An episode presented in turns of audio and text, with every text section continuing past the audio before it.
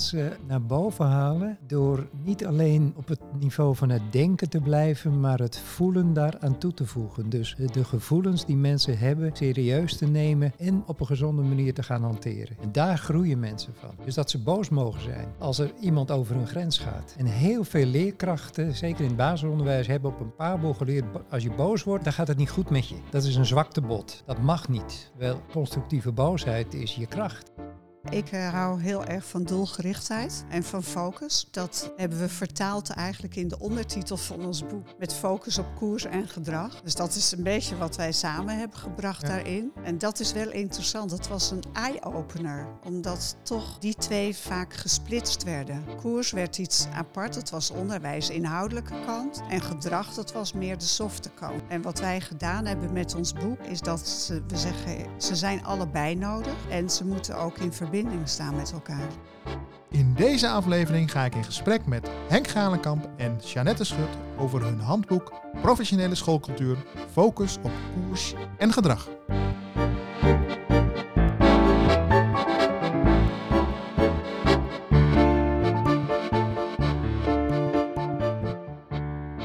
Dag Henk. Dag Taco. Henk, jij bent consultant, trainer en coach. En dat doe je hoe lang al?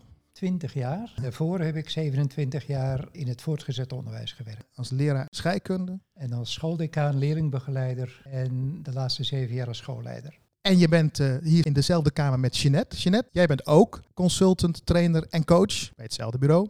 Jazeker, wij hebben sinds 2010 samen ons uh, bureau wat gericht is op de professionele schoolcultuur. En mijn roots liggen in het basisonderwijs. Ik ben ooit gestart uh, op mijn negentiende als uh, kleuterjuf. Nog de klos gedaan? Eerst de klos gedaan en daarna pedagogiek gestudeerd aan de VU.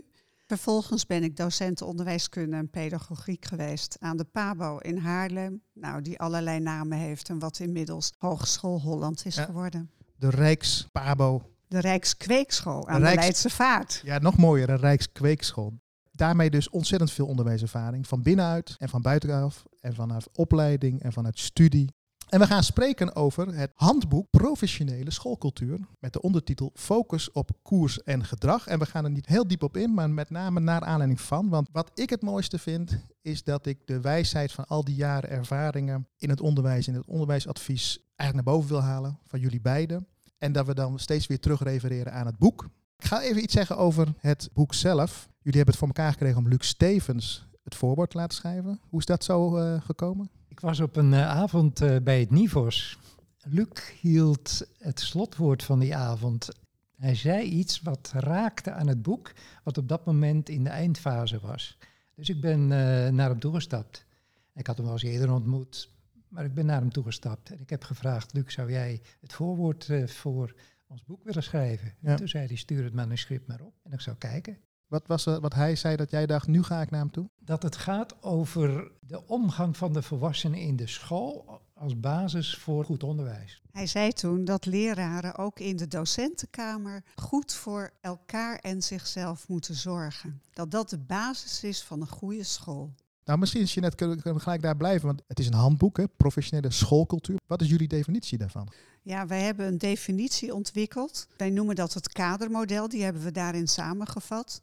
En een professionele schoolcultuur, dat is een cultuur waarbij alle volwassenen in en om de school, het gedrag van alle volwassenen in en om de school, moet ik zeggen, leidt in de richting van de doelen van de school, plus leidt naar een toename van het welbevinden van zichzelf en van de ander. En dan als laatste zin, is heel belangrijk, dat al het gedrag wat daartegen ingaat, vriendelijk, doch duidelijk wordt begrensd dat is eigenlijk wat jullie heel mooi beschrijven en uitwerken in het eerste hoofdstuk, professionele schoolcultuur.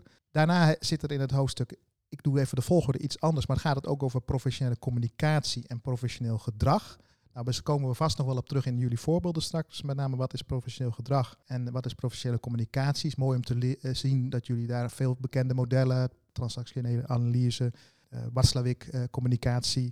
Dus in die zin geven dit soort hoofdstukken en eigenlijk alle hoofdstukken hele praktische modellen, helder beschreven, waarmee je als lezer aan de slag kunt gaan. En uiteindelijk, we hebben dus drie hoofdstukken, professionele schoolcultuur, communicatie en gedrag veronderstelt het ook twee andere dingen, namelijk het eerste gedeelte van de definitie van Jeanette net, die doelen van de school, waar komen die vandaan? Uit de gezamenlijke koers. Dat is eigenlijk het idee. En daar heb je dus een hoofdstuk over gemaakt. Dat is hoofdstuk 2 geworden. En hoofdstuk 5 zegt wat betekent dat voor leiderschap. Nou, daar zullen we tijdens het gesprek ook wel op terugkomen wat dat is. En jullie geven op het eind ook weer hele handige tools en voorbeelden, werkvormen. Eh, hoe kun je een traject naar professionele schoolcultuur inrichten? Tussendoor zeg ik ook nog, vind, vond ik het fijn om te lezen allerlei voorbeeldsituaties. Al met al vind ik het een geslaagd basisboek, zoals een handboek moet zijn, denk ik. Ik denk zeker dat de, basisopleiding voor uh, schoolleiders dat het heel geschikt is. Het nodigt ook uit, en dat gaan we dit gesprek ook proberen, om datgene wat jullie helder beschrijven, dat is makkelijk gezegd, maar we blijven allemaal mensen in teams en in ontwikkeling en cultuur. Het is allemaal traag en we hebben modder aan onze voeten zitten. En we hebben onze eigen onhebbelijkheden en onze mooie talenten. Het is hard werken en ik hoop dat iets van dat in het gesprek naar voren komt van hoe doe je dat nou? Dat is het allerbelangrijkste.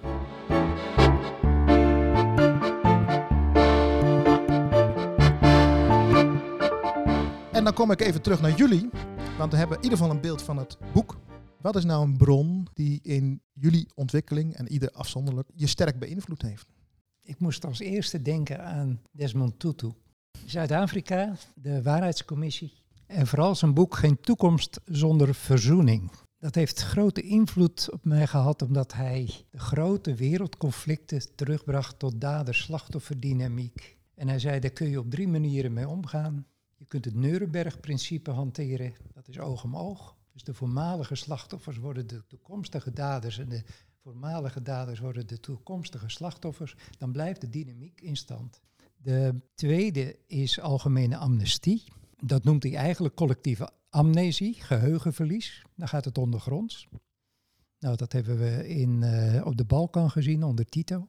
En hij pleitte voor een derde weg. En dat is ja, wat men in Afrika wel Ubuntu noemt en wat in de, de basis geweest is van de waarheidscommissie, waarin de slachtoffers ten overstaan van de daders zeggen wat hen is overkomen en de daders tegen de slachtoffers zeggen ja, dat klopt, dit is wat ik gedaan heb.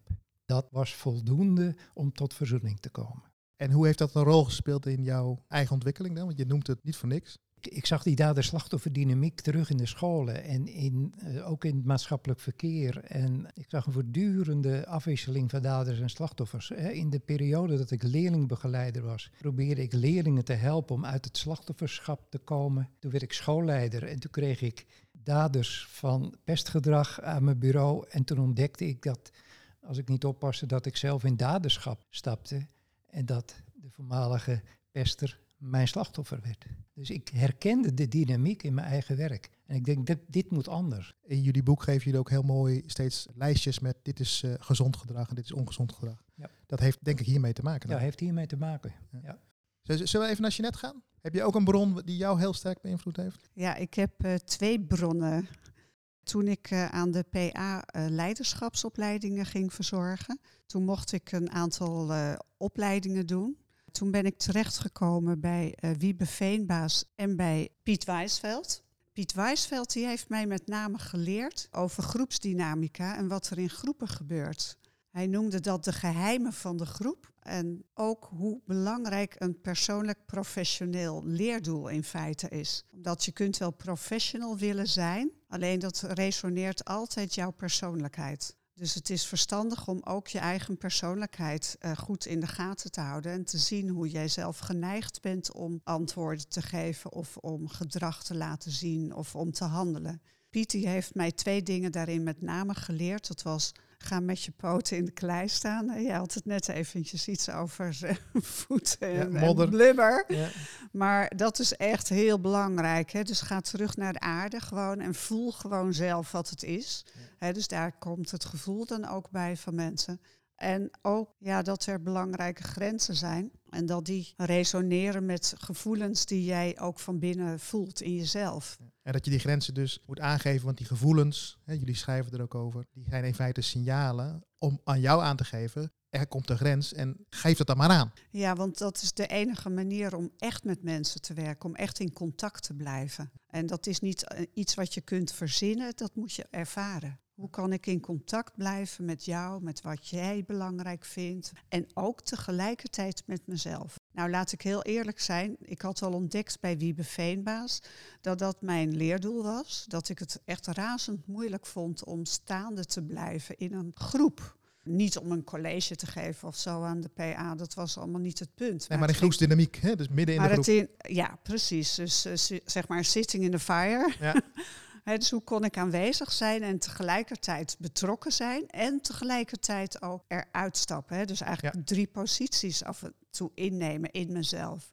Dat heb ik van Wiebe geleerd in een opleiding rond systemisch werk. Dat was toen de tijd nog vanuit het gedachtegoed van Bert Hellinger. Daarin heb ik geleerd hoe je met opstellingen werkt, hoe je een ja. tableau vivant kunt vormen. Want Hellinger is die van de familieopstellingen? Ja, ja, Hellinger is van de familieopstellingen. Wij hebben ons later ontwikkeld richting uh, Frans Roepert. Ja, en, en Bert Hellinger die gaf gewoon drie principes aan waarin groepen van mensen uh, zich verbindend kunnen blijven opstellen. En, dat gaat, en als die principes gehonoreerd worden, dan kan er rust ontstaan en dan kunnen mensen bezig zijn met dat waarvoor ze bij elkaar gekomen zijn.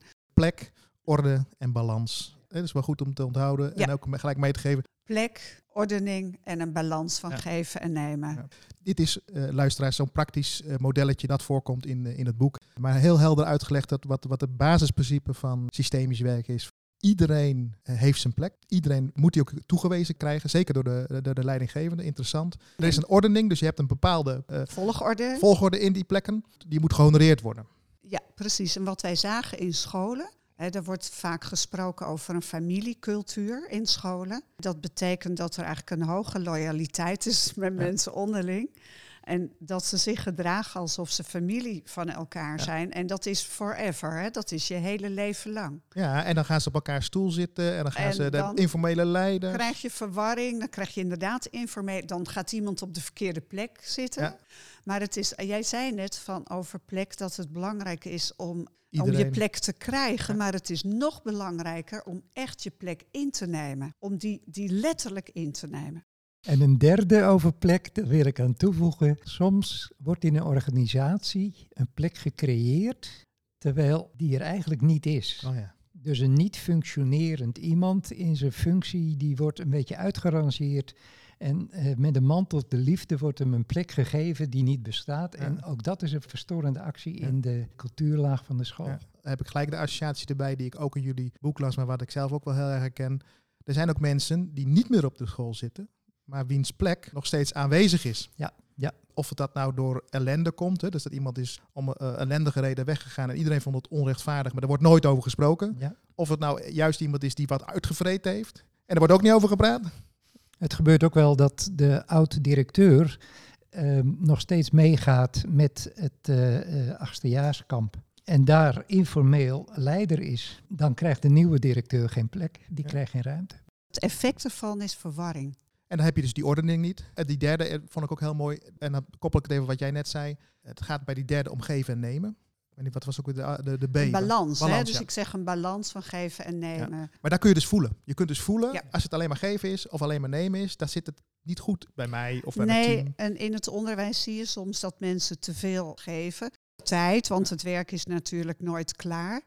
In feite is dat een vorm van grensoverschrijdend of grenzeloos gedrag, zou je het ook kunnen noemen. Ja. En wat daarin het van namelijk het effect is, dat die mensen streven er toch ergens van binnen naar om weer een balans te krijgen. Wat we zien is dat dan soms het soms gebeurt dat ze via verzuim, laat ik het zo maar even gaat ook, zeggen. Gaat ook onbewust, hè? Ja. Dat doen ze onbewust, maar via verzuim eigenlijk de balans weer op orde proberen te krijgen. Ja. ja, dus het heeft diepgaande effecten op het gedrag van mensen, zeker in het onderwijs. En uh, ik noem hem ook als bron omdat het mezelf ook heel erg geraakt heeft om dat te ontdekken.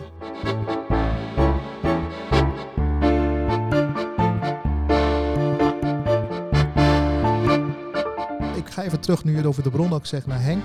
Je mag er nog eentje geven, want je net had er ook twee. Jij begon met één, dus graag nog een... Uh... Dan uh, kies ik ervoor om uh, um, een belangrijke bron van de laatste acht, negen jaar te noemen, Frans Roepert. Ja, moet ik eerst iets over mijn leven vertellen? Ik ben leerlingbegeleider geworden en daaruit is ontstaan een praktijk als therapeut. Ik heb een praktijk voor individuele groepstherapie gehad, een jaar of 17, samen met een huisarts in Utrecht. En daar deden we ook opstellingenwerk. Vanuit het opstellingenwerk, de familieopstellingen zoals we die in eerste instantie vormgaven en ook de organisatieopstellingen, ontdekten we dat er een heel veld onder lag. En dat had Frans Roepert ook ontdekt. Dus wij merkten dat er onder de oppervlakte soms heel veel oud zeer kan spelen vanuit het systeem van herkomst. We zijn dus traumatherapeut geworden en wij doen dus ook traumaopstellingen volgens de methodiek van Frans Roepert. Daar zijn we al een jaar of uh, acht, negen in de leer. En belangrijk was dat we op een gegeven moment ontdekten dat je dit model nodig hebt om te snappen wat er in scholen gebeurt als er oud zeer zit. En dan schieten mensen in een stukje overlevingsgedrag en het overlevingsgedrag creëert weer nieuw oud zeer. En vervolgens roept het bij de ander ook weer overlevingsgedrag en zeer op. Ja, ja dus dat, dan gaat het overlevingsgedrag gaat de boventoon voeren. En dat is niet professioneel, want dat is niet gebaseerd op de actualiteit, maar op de geschiedenis. De pijnlijke geschiedenis. En vooral als, als er niet over gesproken wordt, blijft die in stand. Dus Roepert. En wat ik ook wel mooi vind, nu jij dat zo zegt en nu we in gesprek zijn. Ik noemde het boek al een prachtig handboek, helder beschreven. En de, de dingen die, je nu, die jullie allebei nu aanraken, uh, staan daarin. Mijn ervaring was van ja, dit klopt. Tegelijkertijd, wat ik aan het begin ook al zei, doe het maar eens echt. En dan vind ik het mooi bij jullie te horen hoe gevuld jullie ook zijn met allerlei psychologische en groepsdynamische trainingen. Het opschrijven is één, maar tegelijkertijd, en daarom vind ik het mooi met jullie hier te zitten. Ja, het is een leven lang, blijf je een beginner, zei Derksen. We moeten het blijven oefenen dat hoor ik eigenlijk ook terug in jullie ervaringen. Dat jullie zoveel groeiervaringen hebben meegemaakt. Ja, dat klopt. En het is geen theorie. Het zijn modellen waarmee je een klein beetje grip kunt krijgen op de werkelijkheid. Het zijn kijkkaders. Dus het helpt je om de werkelijkheid te vatten en ook te snappen wat jouw rol daarin is en wat het effect daarvan is. Ja. Maar het is het begin, om dat woord eventjes maar te gebruiken van, uh, van ja. Wildex. Maar ja, eigenlijk is de belangrijkste bron, dat is een boekje dat uh, reist al een jaar of dertig uh, met mij mee. Het is uit 1992. Het is een heel klein boekje en ik lees er één bladzijde uit voor als het mag. Zeker. Blijven wie je bent, een pracht van een mens. Schep maar vreugde in jezelf en besef hoezeer je in bloei staat. Maar meer nog, worden wie je mag zijn, niet stilstaan. Je zou een glans verliezen en ziender ogen zou je verwelken. Je weg gaat verder. Een nog veel hogere bloei mag je bereiken. Worden wie je mag zijn. Alleen zo blijf je wie je werkelijk bent. Prachtig. Hans Bauma. Hans Bauma. En wat spreekt jou er zo aan? Ja, de potentie van mensen. De mogelijkheid van mensen om vanuit de ervaringen weer te groeien en zich te ontwikkelen. En ik heb dit tig keer voorgelezen in, uh, in klassen waar ik, uh, waar ik les gaf. Ja, steeds raakt het ja, die leerlingen. Het raakt jou ook nog steeds. Het raakt mij nog steeds. Weet je nog de eerste keer dat het jou raakte? Ja, toen stonden de tranen in mijn ogen terwijl ik het voorlas in een 5 VWO-klas. Dan gaan we er eens naar terug. Wat tranen zijn prachtig, vind ik. Weet ik. Wat jullie schrijven ook over dat uh, er is een verschil tussen gevoelens en emoties. En emotioneel zijn. En een deel van ons volk vindt emoties al zo snel emotioneel. Emoties zijn ook gewoon gevoelens en gevoelens zijn signalen. En gevoelens van tranen, zoals je nu hebt, ja. betekent ook dat je geraakt bent en dat je tot een kern komt. Ja, en het raakt ook aan een gemis in mijn eigen leven. En dat wat, is wat er dan gebeurt. En wat was dat gemis voor jou toen je dat ervoer? Ik heb dit in mijn jeugd niet zo ervaren dat ik mocht zijn wie ik was. Dus toen jij het voor het eerst ook las en ook in die klas las, ging jij ook groeien en bloeien. En kwam jouw potentieel naar boven. Ja, en dat is steeds bij me geweest. In, in, ongeveer dezelfde tijd ging ik trainingen geven voor faalangstige leerlingen. In het derde jaar dat ik dat soort trainingen gaf, ontdekte ik dat, me, dat ik met mijn eigen thema bezig was. En dan is het ook mooi dat je dat thema authentiek kunt meedragen waar je meegaat. En dat je anderen ermee mag raken. Ja. Ik ga even naar, naar Jeanette, want ik denk dat Jeanette misschien ook zo'n ervaring heeft. Als het uh, over mijn ervaringen gaat en wat mij tot dit werk heeft gebracht, dan is dat inderdaad ook wel een diep verlangen. En ik denk, als ik kijk naar mijn verlangen daarin, dan gaat het over hoe kan ik blijven in een groep. Ja, zo heb ik ook gekeken naar een kritisch moment, zeg maar, in mijn, uh, in mijn professionele leven. Ik heb uh, op een gegeven moment uh, ontslag genomen aan de PABO, omdat ik andere dingen wilde gaan doen. En dat was natuurlijk ontzettend spannend na bijna 30 jaar bij een werkgever gewerkt te hebben en om dan niks meer te hebben. En ik dacht, ik ga daarin uh, zelf een, uh, een bedrijf uh, beginnen. Toen merkte ik dat ik dat heel erg leuk vond om te doen en tegelijkertijd ook hoe moeilijk het is om als één pitter te werken in teams. En wat ik heel erg moest leren was dat ik geen backup meer had. Ik had geen hogeschool achter me. Ik had geen leidinggevende achter me. Dus alles wat ik deed in mijn werk, dat was ik.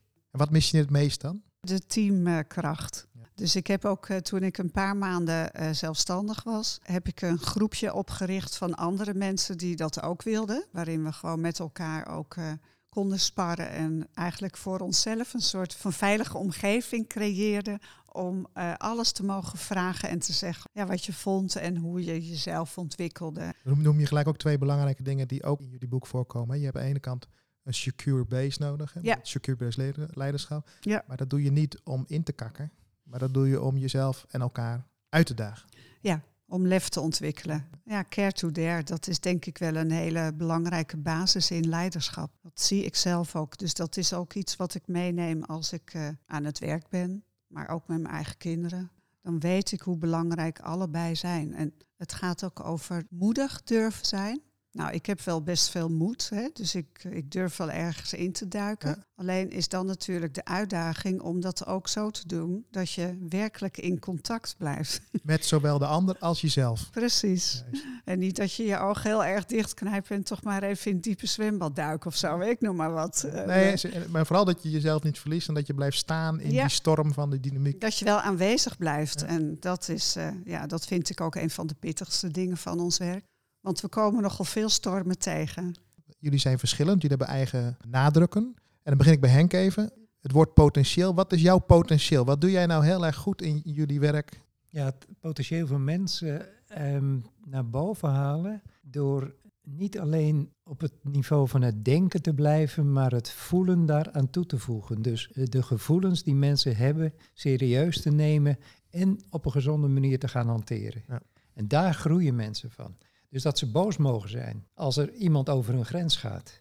En heel veel leerkrachten, zeker in het basisonderwijs, hebben op een paarboel geleerd, als je boos wordt, dan gaat het niet goed met je. Dat is een zwaktebod. Dat mag niet. Terwijl constructieve boosheid is je kracht. Dus het potentieel uit mensen krijgen, waarbij ook het potentieel, vooral het emotionele potentieel. Ja, dat is een van, de, ja, een van de basiskenmerken van ons werk. Hè, daar, daar ligt jouw accent mooi. Heb jij ook een accent om hier te noemen? Ja, ik eh, hou heel erg van doelgerichtheid en van focus. Dus dat hebben we vertaald eigenlijk in de ondertitel van ons boek met focus op koers en gedrag. Dus dat is een beetje wat wij samen hebben gebracht Ja. daarin. En dat is wel interessant. Het was een eye-opener, omdat toch die twee vaak gesplitst werden. Koers werd iets een apart, dat was onderwijs, inhoudelijke kant.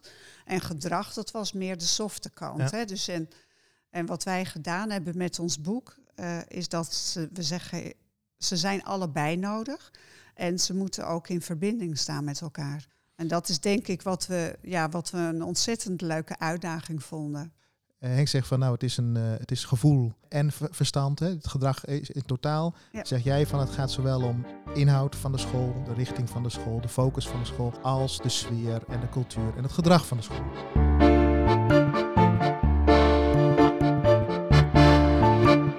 Gaan terug naar het boek en, en naar jullie ervaringen. En ik zou van jullie allebei eens willen weten, Jeanette heeft er al op gehind, jullie maken zo heel veel mee. En ook waar het dus niet gezond is. Kunnen jullie eens een aantal ervaringen nemen, eh, meenemen waarin je echt kwam van oeh, dit is inderdaad ongezond professioneel gedrag of ongezond professionele cultuur. Dat is één. En dan bij die ervaringen vertellen van hoe zijn jullie op reis gegaan in dat traject met al die zaken die jullie al hebben genoemd. Nou, laat ik één voorbeeld noemen. Er wordt geroddeld onder de leerkrachten. En iedereen heeft er last van. En bijna iedereen doet er ook in mee. Dus dan zitten we op gedrag, feitelijk gedrag, dat mensen met een derde praten over een tweede op een negatieve manier.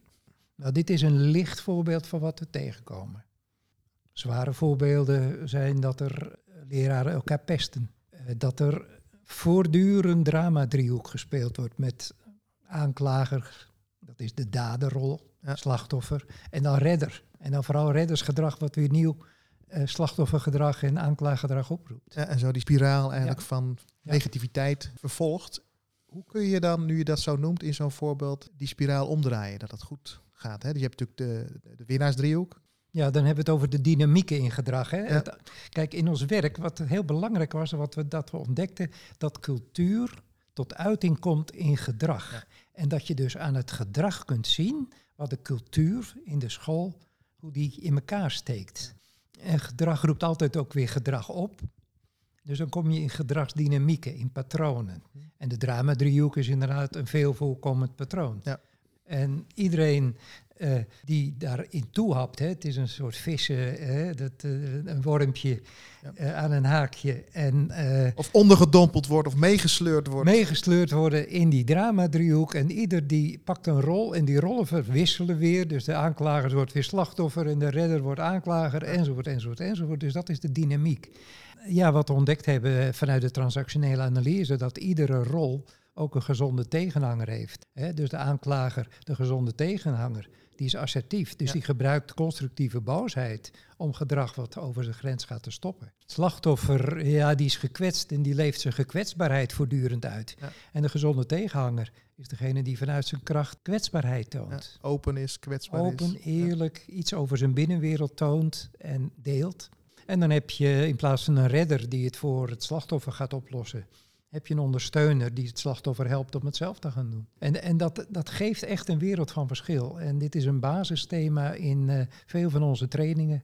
Om mensen te helpen om in die winnaarsdriehoek te komen. En dat doen we echt door te trainen, te trainen, te trainen. Gewoon doen en erop te reflecteren en feedback te ontvangen. Cultuur kun je ook heel vaag en groot en, en complex zien. Nee, jullie brengen terug naar het gedrag, maar het wordt niet simplistisch. Want achter dat gedrag, nou daar heb je dus die modelletjes voor om te kijken van wat kan ik hier nou mee? Ja. En wat gebeurt er onder de waterlijn als je de, het beeld van de ijsberg neemt? Ik ga even naar Jeanette, want die heeft vast ook een voorbeeld. Ja, ik zie hier net het eh, boek eh, liggen van verwaarloosde organisaties. Ja, precies. Nou, nou die term alleen al. Dat is vaak een thema wat speelt. Als we een traject starten op een school, dan starten we met intakegesprekken met iedereen die meedoet. Dat kan soms in verschillende groepen zijn. In het voortgezet onderwijs zijn dat vaak aparte groepen. De intake die doen wij in groepen van vier of vijf. En daarin werken we al meteen aan dat groepsdynamische proces. Met name ook aan de eerlijkheid en de openheid. Dus we installeren eigenlijk daar al een paar van de werkregels die we belangrijk vinden. Nou, dan na die intake, hè, dan zeggen we ook van ja, dat klopt ook. In de intake komen thema's aan de orde. En we vragen ook mensen naar leerdoelen. En we vragen ze ook naar een kijk op de professionele cultuur in de school. Op basis van de definities. Welk gedrag zie je wat daar naartoe gaat en welk gedrag gaat er vanaf. Ja, en dan gaan we met die casuïstiek aan het werk. En dit is zoals je werkt. En zou je één ervaring zeggen van nou, dit is mij bijgebleven. Hier kwam inderdaad iets in dat intakeproces naar voren. En daar hebben we aan gewerkt en daar zijn we met elkaar uitgekomen. Ja, na een aantal jaren geleden hebben we op een school gewerkt en daar was eh, tijdens schooltijd was er een ongeluk gebeurd met een leerling. En dat had eigenlijk de hele school nog een beetje, die werd daar nog do- door gegijzeld als het ware. Dus dat had invloed op hun gedrag. Alleen hadden ze dat zelf, ja, dat vonden ze normaal inmiddels. Hè? Dus dat ze op eieren liepen, dat ze voorzichtig deden. Na de intakegesprekken hebben we met het hele team eh, bij elkaar gezeten. Hebben we daarover gesproken. En toen kwam er, ja, eigenlijk kwam er gewoon verdriet Ja, naar boven. rouwen. Ze hebben misschien niet gerouwd. Eigenlijk wa- kwam er verdriet naar boven om, om dat incident, dat dat gebeurd was in hun school. En dat dat nog steeds gevolgen, want er werden nog steeds, ja, er werden ouders die hadden daar een aanname gemaakt over de school als het daarover ging. En mensen waren ook diep geschokt in hun eigen leven. En door daar ruimte aan te geven, we hebben dat toen met het team hebben we dat op basis van een werkvorm hele korte fragmenten over verteld. En die hebben we met in de hele groep weer gedeeld. En toen ontstond er een beetje lucht. Lucht, hè? En Ja. mensen gingen erkennen en inzien dat er dingen gebeurd waren, noem het maar oud zeer, die een beetje scheefgroei hadden gecreëerd in de onderlinge relaties. En voor deze twee momenten die Henk ook net gaf, het zijn altijd momenten waarin dus dat diep menselijke, de emotie, de ervaring, de groepsdynamiek. Ja. En dat je daar ruimte voor geeft. Hè.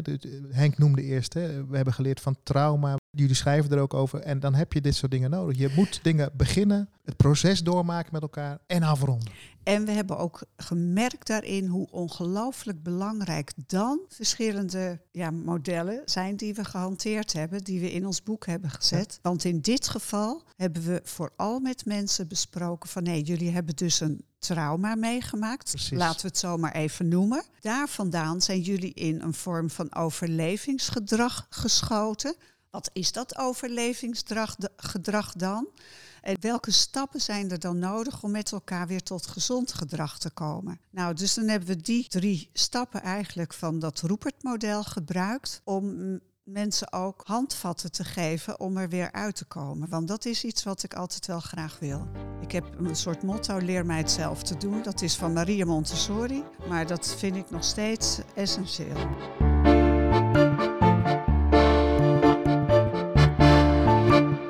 Als ik uh, dit zo hoor, hè, dus dat groepsprocessen, die kun je van de buitenkant bekijken, qua gedrag bekijken. Maar jullie bekijken ook het gedrag van de emoties en wat eronder zit. En daar hebben jullie werkmodellen van. Dat geeft ook de, eh, de focus die jij uh, aanbrengt. En de diepgang misschien, of de emotionele ervaringen die Henk vanuit zijn achtergrond als, als leerlingbegeleider en therapeut ook kent. Dat zie ik zo voor me. En dan heb ik ook het beeld hoe belangrijk dus en dat is ook waarom ik deze podcast ook ben begonnen, leiderschap is. En ook leiderschap, wat ik dan maar menselijk en pedagogisch noem. Dat betekent voor mij dat leiders die, naast dat ze allerlei instrumentele dingen goed kunnen, vooral ook, nou eigenlijk deels wat jullie nu vertellen ook doen, gewoon in hun rol. Soms heb je anderen erbij nodig en dan moet je zeker ook uh, mensen van buiten hebben. Uh, en daarnaast moeten ze authentiek zijn. Echt mens zijn zoals zij of hij mag zijn. Hè. Dan pak ik even Hans Bouma er weer even bij. Willen jullie iets zeggen van wat voor leiderschap zou dan bijdragen aan een gezonde professionele cultuur? Ja, mooie vraag. Dan moeten we eerst uh, vormen van leiderschap even uit elkaar halen. Ja. Uh, er is formeel leiderschap. Ja, als je teamleider bent, heb je een formele leiderschapsrol. Maar het allerbelangrijkste is dat leiderschap begint bij jou als mens. En dat noemen wij persoonlijk leiderschap. En persoonlijk leiderschap gaat over twee dingen. Hoe geef je leiding aan jezelf? Dat zei Aristoteles al, hè? Precies. En hoe geef je vanuit je persoonlijkheid ook leiding aan anderen? Ja. Wat neem je mee? Wat is jouw stijl? Wat, is jouw, wat zijn jouw verlangens, Ja. kwaliteiten? Ja. Ja. ja, en als het over leiderschap gaat, dan, dan, ja, dan moet ik een uitspraak uh, die ik uh, van uh, Piet Wijsveld, die door uh, Jeanette net genoemd is, die wil ik daar graag herhalen. Een leider is iemand die een wereld creëert waartoe de leden willen behoren. Dus dat is niet iemand naar die wereld toeduwen. Veel leiders gebruiken hun power om ervoor te zorgen dat mensen doen wat zij willen. Ja. Het belangrijkste wat ik geleerd heb over wat mens zijn is, mensen zijn best bereid te veranderen. Maar ze willen nooit veranderd worden. En als een leider dus denkt dat, die, dat het zijn functie is om anderen te veranderen, dan krijgt hij weerstand en dan gaat het niet werken. Nee, klopt. En dan moet ik gelijk ook denken, en dan maak ik het bruggetje even, even naar Jeanette. Jeanette zei net, Maria Montessori, hè, leer, het, het mezelf doen. Misschien is dat ook wel wat een leider dus moet doen. Dus een leider moet niet zoveel zelf willen doen, en, en positioneel en, en, en, instrumenteel, maar moet misschien juist dat potentieel van anderen uh, naar boven halen en, en het ze zelf laten doen. Jullie hebben ook over gedeeld leiderschap iets te staan. Kun je iets zeggen hoe jij daar tegenaan kijkt? Ja, weet je, in feite zeg je care to dare. He, dus uh, zorg ervoor dat het potentieel van je teamleden naar boven komt. Ja. Ik denk dat dat de hoofdzaak is van uh, leiders als focus. Ja. Zeg je daarmee ook, hè, want care to dare uh, kun je naar anderen doen, maar je kun je ook natuurlijk naar jezelf doen. Ja, dat zal wel moeten. He, dus je moet zowel die zelfzorg hebben, maar je moet ook uitdagen. Want je hebt, laat, ja. laat ik zo zeggen, wat ik veel tegenkom is dat je of he, je krijgt iemand die heel sterk die zakelijke kant ontwikkelt. Mm -hmm. En dus eigenlijk een dare. Er zijn heel veel dare-directeuren. Die gaan vooruit, die willen vernieuwen. En er zijn aan de andere kant zie je dan een tegenbeweging. Hè? Dat is ja. allemaal cliché wat ik nu misschien zeg. Ja. Die gaan juist op die care zitten. En dat zijn dan die menselijke, uh, die worden dan vaak door teamen uh, hoog geacht. Maar bij beide, als het te veel wordt, hè, wat onze oma's al zeiden, hè, dan gaat het mis. Want te zakelijk is, is, is, is er geen contact. En, en, je hebt ze allebei keihard nodig. Ja. En er zit soms één ding in de weg. En dat, uh, hè, dat is dan self-deception. Ja, Jullie hebben dus- het Arbinger Instituut. Ik zag het. Oh, Prachtig boek. geweldig boek. Kan ik iedereen aanraden. Hè, dat is even, noem even de titel, dan weten we die ook nog weer even. Ja, Leadership and Self-Deception heet het. Wat wij met dit thema doen, hè, van die self-deception, is dat het gaat eigenlijk ook om een diepteonderzoek van jouzelf als leidinggevende. Van wat zijn nou voor mij de elementen die ik uit de weg ga? En daar hebben we ehm, van Manfred Kets de Vries, die ken je ook vast Mhm. wel ergens, hebben we daar eh, dingen van geleerd. En we hebben een opdracht, die gaat uit van wat is je grootste angst ooit? Ja. Hè, dus dat leidinggevende gaan onderzoeken bij zichzelf van hé, hey, wat drijft mij nou weg eigenlijk bij mezelf? Ja, wat blokkeert bedrijf. En- Mooi dat je dat zegt. Ja, het is een goed voorbeeld. Want ik, ik heb eh, ook Bert-Jan van der Miede gesproken. Die spreekt van wat is je grootste zielsverlangen en wat is je grootste lijden. Maar ik vind ook mooi hoe je dat zegt. Gaat om je verlangen Prima. en Ik, om je angst. ik vind dat verlangen ook heel erg mooi. Goed, ja, wij mensen zitten ook in elkaar dat we onszelf gewoon nogal snel voor de gek houden. Self-deception. En dat is self-deception. Hè, dan willen we wel iets. En dat hebben we wel gezien. Van verlangen kan ook een illusie zijn. Hè? En dat kan een overlevingsgedrag eigenlijk zijn. Om maar niet te voelen wat er ook is geweest. Ik ga naar Henk. Jij zat al een tijdje geleden, Henk.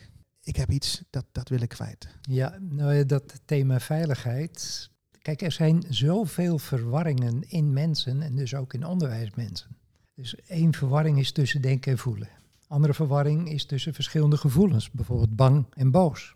Ja, het is ook de titel van een van, eh, van mijn boeken eh, dat ik al een aantal jaren geleden schreef, Bang voor boos. Nou ja. Dus een verwarring tussen bang en boos.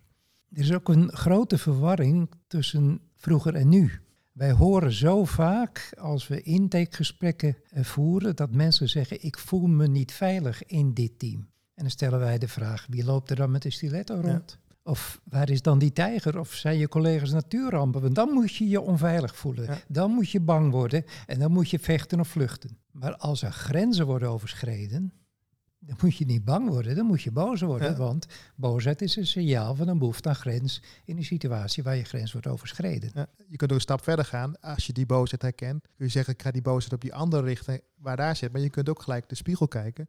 Waarom heb ik mijn grens niet aangegeven? Exact. Ja, dus daar vindt weer de ontmoeting plaats aan de grens. Hè? Dus boosheid, wij, wij spreken over constructieve boosheid, omdat dat de echte ontmoeting tussen mensen kan creëren. Ja, als mensen muren gaan bouwen om zich veilig te voelen, dan noemen wij dat maar schijnveiligheid. Ja. En Geen schijnheiligheid, maar schijnveiligheid. Schijnveiligheid, ja, ja. En daar zit veel verwarring in. Hè? Dat als mensen zich in de actuele situatie niet veilig, niet veilig voelen, heeft dat vaak te maken met iets wat in hun geschiedenis gebeurd is, die ze projecteren op hun huidige situatie. Dus opnieuw een verwarring. En dat wel voor waar aannemen. Dus toch weer hè, terugkomen op emoties. Op, op, op, ik zou bijna zeggen, je hebt emotiemanagement, maar je kunt eigenlijk bijna om e- emotiehygiëne. Hoe, hoe, hoe, leer ik zuiver onderscheiden wat hier gebeurt? En daarin maken wij zelf in de termen onderscheid tussen emoties, die hebben Ja. altijd hun wortels in het verleden, en gevoelens zijn actueel.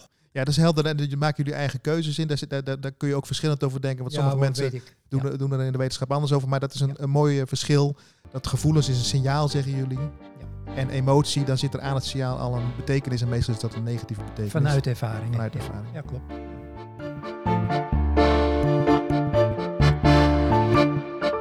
Nou, dit is even wat betreft het leiderschap. Jullie schrijven ook, hè, ja, het gaat niet alleen om cultuur. Het gaat ook om dat je met die cultuur in die school ergens op uitkomt. En dat jullie gezamenlijke koers hebben. Jullie komen uiteindelijk op het woord koers. Eh, dat hoofdstuk eh, gaat in feite over missie-visie.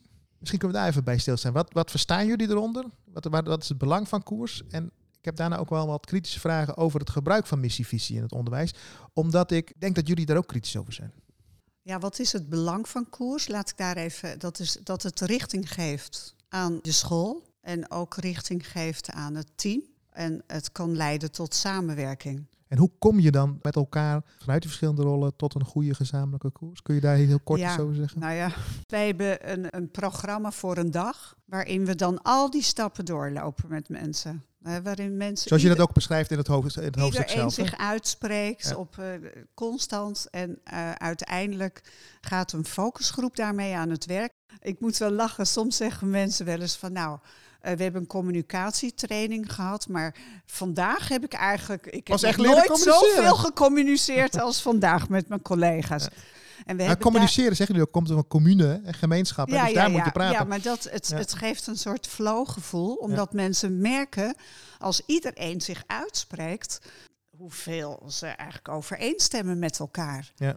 En dat merk je nooit als je met elkaar erover in gesprek gaat. Ja. Hè? Dus we vragen ook absoluut, iedereen moet dat ook opschrijven, voorlezen. Ja, het is een beetje heel erg tuttig, maar het helpt enorm om iedereen zich te laten uitspreken. democracy ook, hè? laat het uitspreken. Laat de stemmen horen, ook de minderheidsstemmen. Prachtig. Nou, dat is echt eh, heel krachtig. En op basis eh, daarvan, ja, dat doen we dan met de missie. Hebben we een aantal vragen over waar ze een antwoord op geven. Ja, en dan de waarden, die zijn natuurlijk meer dan alleen maar. Dat zijn ook, je hebt ook te maken met je persoonlijke waarden.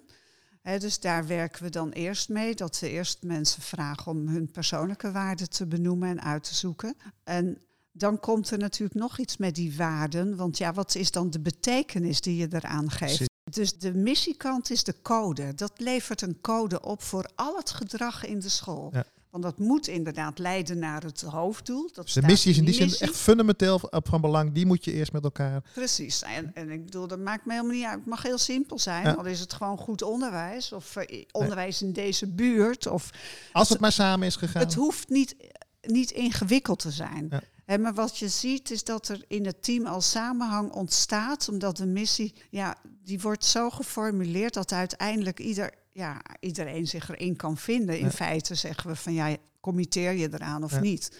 Als je een absoluut tegenstrijdige eh, missie hebt voor jezelf, dan moet je kijken of je daar een school bij kunt vinden. Ja. Hè? Dus dat is even zo. Maar dan ga je naar de visiekant. En de visiekant, daarin worden een aantal doelen. Ja, dan gaat meer doelgericht worden. Hè? Ja, dan wordt het wat meer concreet naar de. Ja, hoe ziet, hoe ziet die doel, dat doel er dan uit? Als ik dat heb gedaan, hoe ziet dat er dan in de praktijk Ja. uit? En daar laten we mensen rijke beschrijvingen eh, over maken. Ehm, dat noem ik eh, ja, een gedurfde, gedroomde werkelijkheid. Ja. Dus hoe ziet die werk om de werkelijkheid eigenlijk al naar voren te halen? In feite is dat een beetje NLP. Ja. Dus dan krijg je van een beeld van waar je met elkaar Een eindbeeld. een Ja. eindbeeld en dat haal je naar voren, dat haal je naar het nu en je gaat je dus nu alvast gedragen alsof je dat beeld al in de smies hebt hoe je dat zou kunnen gaan realiseren. En dat is, ja, dat is zo'n prachtig proces op zo'n dag. En dan gaat het natuurlijk om de volgende stap van hoe gaan we dit nu communiceren. Dus hoe gaan we nu in de school de omgangscultuur die we met elkaar willen. En wat doen we nu wel en wat doen we nu niet? Als er bijvoorbeeld staat samenwerken, dat vinden we, of samen vinden wij een hele belangrijke kernwaarde binnen onze school. Waar zien we die terug? Dan moet dat zichtbaar zijn Ja. in de klaslokalen. Van hoe, doe je, hoe ziet dat er dan uit in de klaslokalen? En wat doe je dan? Wat zie ik als ik straks door jullie school loop? Is de, is de les eh, samen voorbereid? Precies, het is een ontzettend leuk voorbeeld. En vervolgens eh, ja, wordt dat weer gedeeld met elkaar. En ja, zo, ik denk dat je dat koers ook gevoed kan worden in de uitwerking. Ja. Door bijvoorbeeld al, nou ja, een simpel iets als je als team vergadert. Om dan om de beurt bij elkaar in een klaslokaal te vergaderen met het hele team. En daar dan degene die daar werkt, vijf minuten eigenlijk de kans te geven hoe die nu bezig is om die koers die ze met elkaar geformuleerd hebben te realiseren. En hoe dat zichtbaar is gemaakt in de klas. Precies. Dus Ja. daar zit ook weer in, want dat herinner ik me uit het beschrijven van jullie boek. Je moet het levend houden. Ja, want anders moet- is het een eh, papieren documentje. Och, en ja, het is natuurlijk heel vaak, het is zelfs zo gebeurd dat vaak dit soort documenten worden geschreven door een externe. Ja, of door de En- directie en dan wordt het gedropt. En dan komt het in de la, of eh, mensen hebben het ooit. Ik heb dat zelf ook een keer meegemaakt, dat ik een boekje kreeg Ja. in mijn postvak. Dat was het dan en er werd er verder nooit meer over gesproken. Nou, dan weet je zeker dat het niet gebeurt. Wat ook heel erg leuk is, namelijk, is om de eerste ouderavond die je dan hebt, of als je met ouders, hè, dus zo in het begin van het schooljaar. En je hebt zo'n koersdocument met elkaar eh, geschreven, om dat dan ook aan de ouders te presenteren. En om te vragen aan ouders van, god, dit zijn onze waarden in de school, die vinden we belangrijk. Kinderen moeten met plezier naar school Ja. gaan, ik noem maar wat. Nou, wat wij eens willen vragen van hoe ziet u dat nu thuis? Ja, en eh, eh, hoe is werkt dat, dat, bij u? zichtbaar? Ja. Hè? Is dat zichtbaar? Ja, eh, en dan krijg je vanzelf die gesprekken. Ja, dat is ontzettend mooi, ja, is mooi.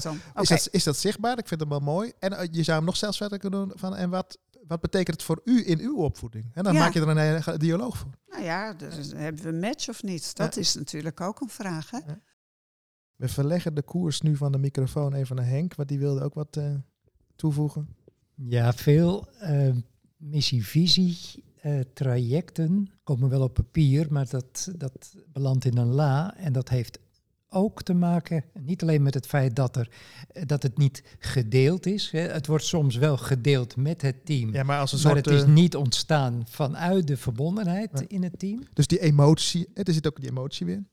Exact, hè? dus het is vaak hoofdarbeid. Ja, cognitie. Dus het zijn meningen. En alle meningen eh, mogen gehoord worden. Dus dan wordt het soms een hele lange zin die helemaal niks meer zeggen. Hè, omdat het hoofdarbeid is, hè, dan gedragen we alsof we koppoters zijn. Maar het gaat over hoofd, hart en handen. Ja. Dus het gaat ook over je beleving en hoe je het tot uiting brengt in je werk. Hè, dus, dus, En ik vulde nog aan, bezieling zelfs. en bezieling is een. Nou, daar is nog heel veel over te vertellen. Ook de manier waarop mensen bezieling soms vormgeven. Soms komen we bezieling tegen als overlevingsgedrag. Precies. Dat is, be- dat, is, dat is een soort van overtrokken bevlogenheid. Ja. Eh, de- Ja. de- daarmee overschreeuw je jezelf. Hè? Ja. Wij verstaan elkaar. Bezieling is echt die, die weg naar binnen, waardoor je, nou ja, ik pak jouw woord, contact maakt met jouw potentieel of jullie teampotentieel.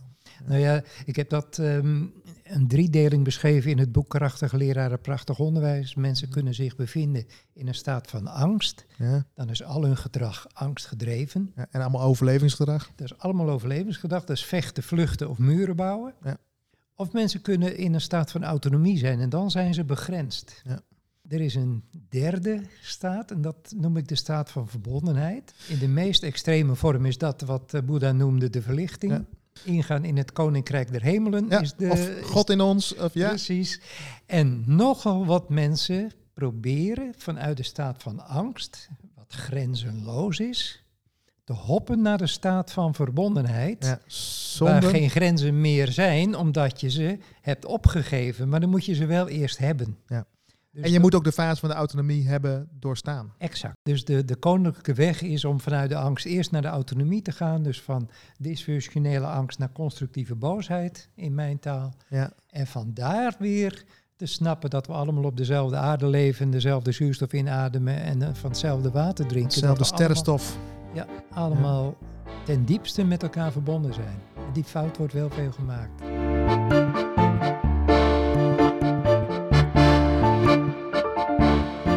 Met jullie samen even denken vanuit juist die, die rijke gedachten die jullie nu geven, om ook een kritisch punt. Het gaat over het gebied van missievisie. Want ik ben, zoverre ben ik kritisch geworden, dat missievisie denken, dat hele concept, komt uit het bedrijfsleven.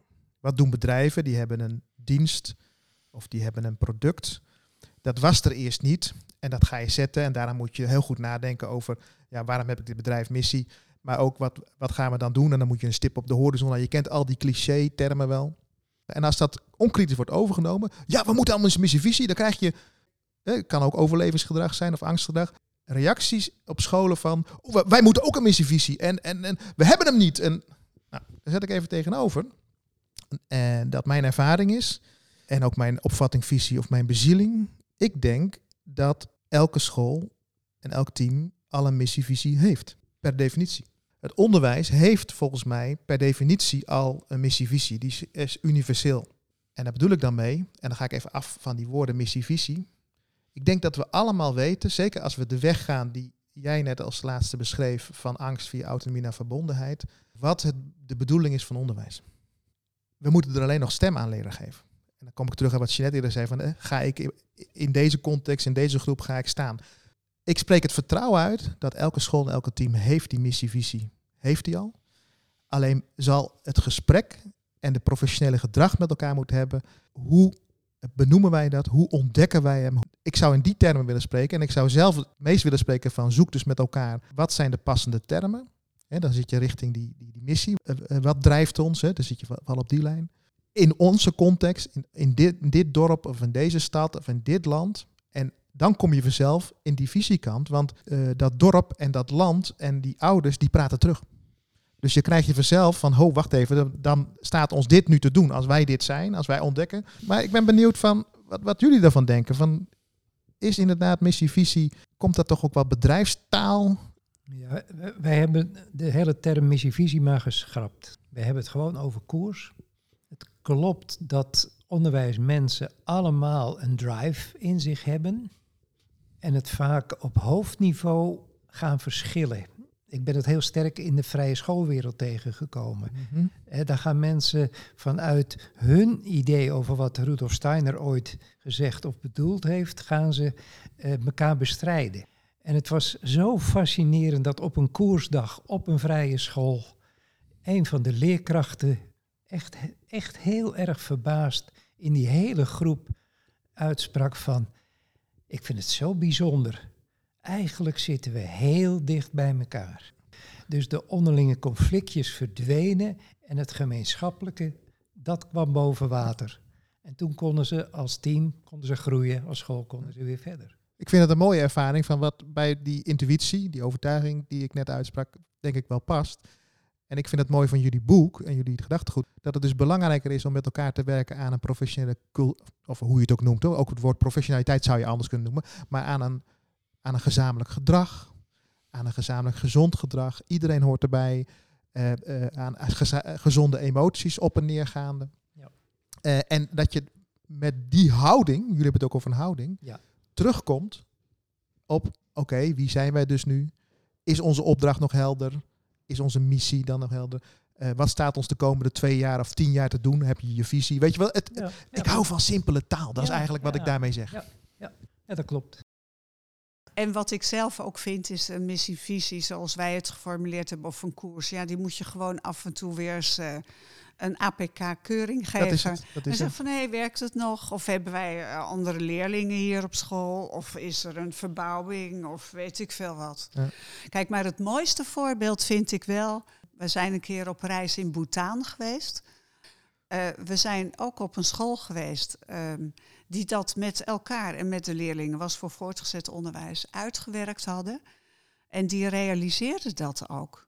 En we zijn daarbij een opening van de week geweest. Hè. Dus we hadden iedere ochtend geloof ik een opening buiten. Was er dan, en er was een van de leerlingen die vertelde dan een kort verhaaltje wat in de richting ging van de doelen die de hele school met elkaar had. Oh, ja. Nou, dat had wel indruk hoor. Ja.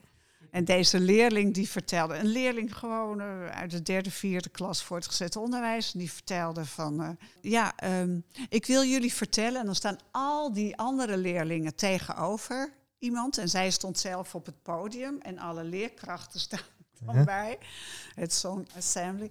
En ehm, toen die leerling die vertelde toen van, ja, ik wil jullie vandaag vertellen over hoe kijk je naar de werkelijkheid? Vanuit een glas dat half vol is of dat half leeg is. En toen ging ze een paar voorbeelden uit, het, ja, uit de contacten die zij had in de klas. En was eigenlijk een soort uitnodiging voor de kinderen om daar ook over na te denken.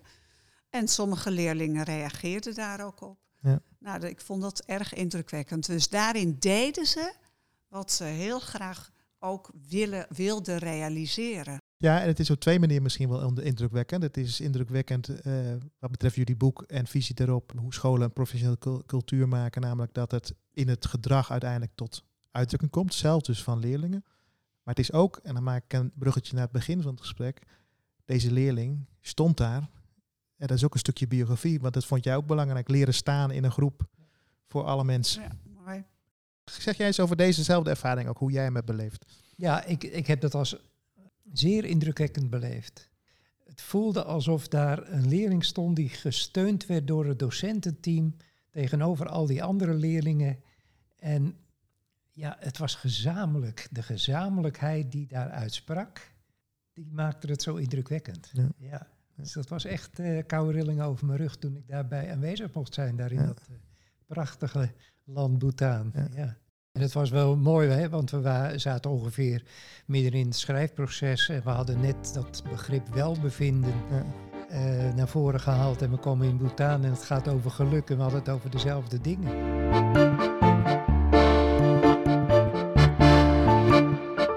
tips hè, om, om die weg naar dat gedrag, dat gezamenlijke gedrag, eh, naar, dat, naar die gedroomde, gedurfde werkelijkheid, om jouw beeld eens te gebruiken, Jeanette.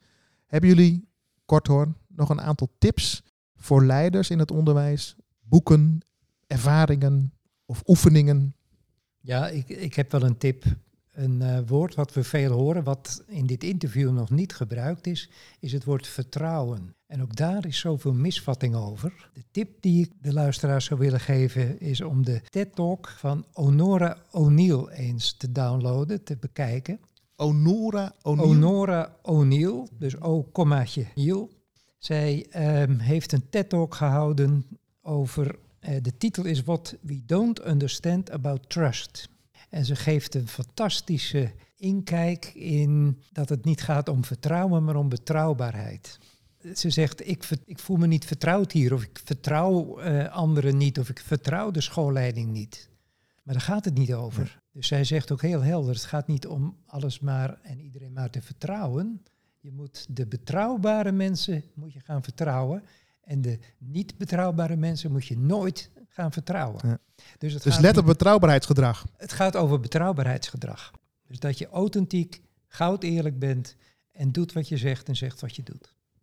Jeanette, heb jij nog een tip? Of meerdere misschien? Nou, ja, ik had er natuurlijk een paar uh, van tevoren al opgeschreven. Ja, ik denk dat ik er twee ga geven. Ja. Uh, de eerste gaat over um, het feit dat je altijd een keuzemoment hebt. En dat als je ergens op reageert, uh, denk dan van tevoren even of dit een autobiografische reactie is of dat je er echt een reactie geeft op de situatie of op de prikkel die op jou afgekomen is. Um, je zou ook kunnen zeggen, uh, zorg dat je even een keuzemoment creëert bij jezelf. Je die stimulus en de respons, respons je zegt het, hè? Wat ja. Kofi zei, ja. even een tijdje ja. van rust, waardoor je niet gelijk reageert, maar kijken hoe wil ik maar, reageren. Precies.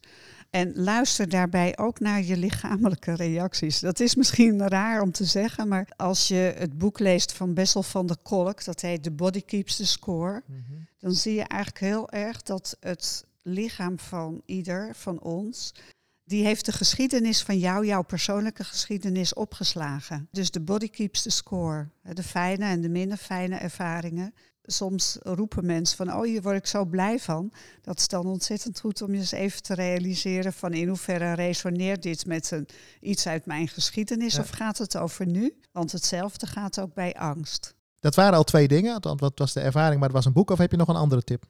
Nou, ik had nog één tip. Als je als leidinggevende uh, iemand, uh, je hoort een klopje op de deur en iemand komt je, je kantoortje binnen en die heeft een probleem. Of die wil een probleem aan de orde stellen. Nou, dus ik heb dan drie vragen daarbij. Van wie is het probleem?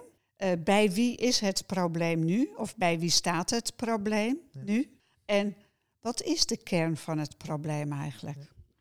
En die drie vragen die moet je openlijk met degene die het probleem bij jou komt brengen, bespreken. Ja, mooi. Dat helpt dan enorm. Dan hoef je al niet eens uh, op te lossen. Ja, en je zegt ook in feite daarmee, en dat vind ik mooi om te horen, is ook een van mijn uh, ja, idealen. Kunnen we het leiderschap, want dit is een voorbeeld uit het leiderschap, kunnen we, dat, kunnen we de neiging, of misschien zelfs het overlevingsgedrag, als ik jullie termen overneem, als leiders afleren om um, instrumenteel te reageren. Hier is een probleem.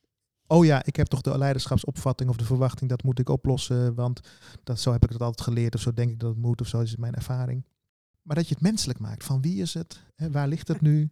En dat je eerst samen eens even gaat kijken, wat is het probleem eigenlijk? Ja. Precies, en op welk niveau speelt het probleem? En op welk niveau, ja, dan kom je inderdaad, want dat is natuurlijk een ander ding, dat staat ook wel in ons boek, hè, die vier niveaus van communicatie. Ja. Dan zie ik dat we zoeken zoveel de oplossing bij de inhoud of de procedure. Ja. En de interactie en de gevoelens, die moeten aan de orde gesteld worden. En dat zou echt, dat maakt een wereld van verschil uit. Alleen al door die vragen eenvoudig te durven stellen ja, het ontwapent ook. Ja. Het maakt het werk een beetje lichter. Je krijgt er zeker minder werk door. Ik pak hem zelf zo op. Hè, die, uh, je noemt dus de theorie van Watzlawick, hè, dus de vier lagen. Je kunt nog een vijfde laag daaraan toevoegen. Uit een andere theorie, ik weet even niet meer van wie. Maar communicatie heeft ook de laag van het appel. Dat is ook zo'n diepere laag. En welk appel wordt er nu op je gedaan? Of welk appel voel je zelf? Je kunt er heel diep op doorgaan. Dat maakt, als je daar oog voor krijgt, dat je ook veel minder druk krijgt als directeur. Kijk, nadenkend over het begrip communicatie, en je zei het al, hè, dat, dat slaat op commune, is gemeenschappelijk. Dat is ook zo'n begrip wat zo verkeerd verstaan wordt. Want uh, je, we horen soms taal uh, als mijn directeur communiceert zo slecht. Ja. Dus het toverwoord, hè? als het misgaat, is, ligt het aan de communicatie. Maar dan communicatie in de zin van wat die ander doet. Terwijl de diepere betekenis van communicatie is datgene wat wij in de ontmoeting samen vormgeven. En wij hebben dat vertaald tot de 50-50-regel. En, en daarin zeggen we, je bent voor exact 50% verantwoordelijk voor de kwaliteit van de onderlinge communicatie. En die andere is natuurlijk ook voor 50% daarvoor verantwoordelijk. Maar je bent 100% verantwoordelijk voor je eigen 50%. Ja. En dus 0% voor het aandeel van de ander. En dat geldt ook vice versa voor die ander. En voor die ander ook. En als die ander dus iets doet wat jou niet bevalt, wat ga jij dan doen? Dan ben jij aan zet. Ja, en dan, ja, dan zit je weer op grenzen en uh, echte ontmoeting met elkaar. Ik wil nog één ding zeggen, en dat is ook een tip voor iedereen die dit hoort. Dat komt vooral aan, aan de orde in coachingsgesprekken. Ik merk vaak dat als mensen in coaching komen, dat ze zichzelf voortdurend afstraffen. Ja. Als het ware een klap geven. Dat ze niet het juiste gezegd hebben, het niet op tijd gedaan hebben. Eh, kortom, ze hebben een hele kritische ouderfunctie naar zichzelf toe. En dan vraag ik toestemming en dan pak ik wel eens een hand bij de pols. En dan til ik die hand op. En dan geef ik die, met die hand van die persoon zelf geef ik een klap op dat hoofd. Ja, zegt, ze, zegt zo iemand, dat, ja, dat doe ik. Ik zeg, dan, dan ga ik je een alternatief geven. En dan pak ik diezelfde pols en dan leg ik die hand op die wang. En dan strijk ik die hand langs die wang. Ik zeg, en dit is het verschil. En een professionele cultuur begint bij jezelf die ai te geven. Niet altijd omdat je het goed gedaan hebt, maar omdat je in ieder geval doorgekregen hebt dat je iets niet goed gedaan hebt en je desondanks een goed mens vindt. Ja. En dat sluit weer aan bij het boekje van Hans Bauma, waar ik uh, die bladzijde uit volgelezen heb. Dat je mag worden wie je werkelijk bent.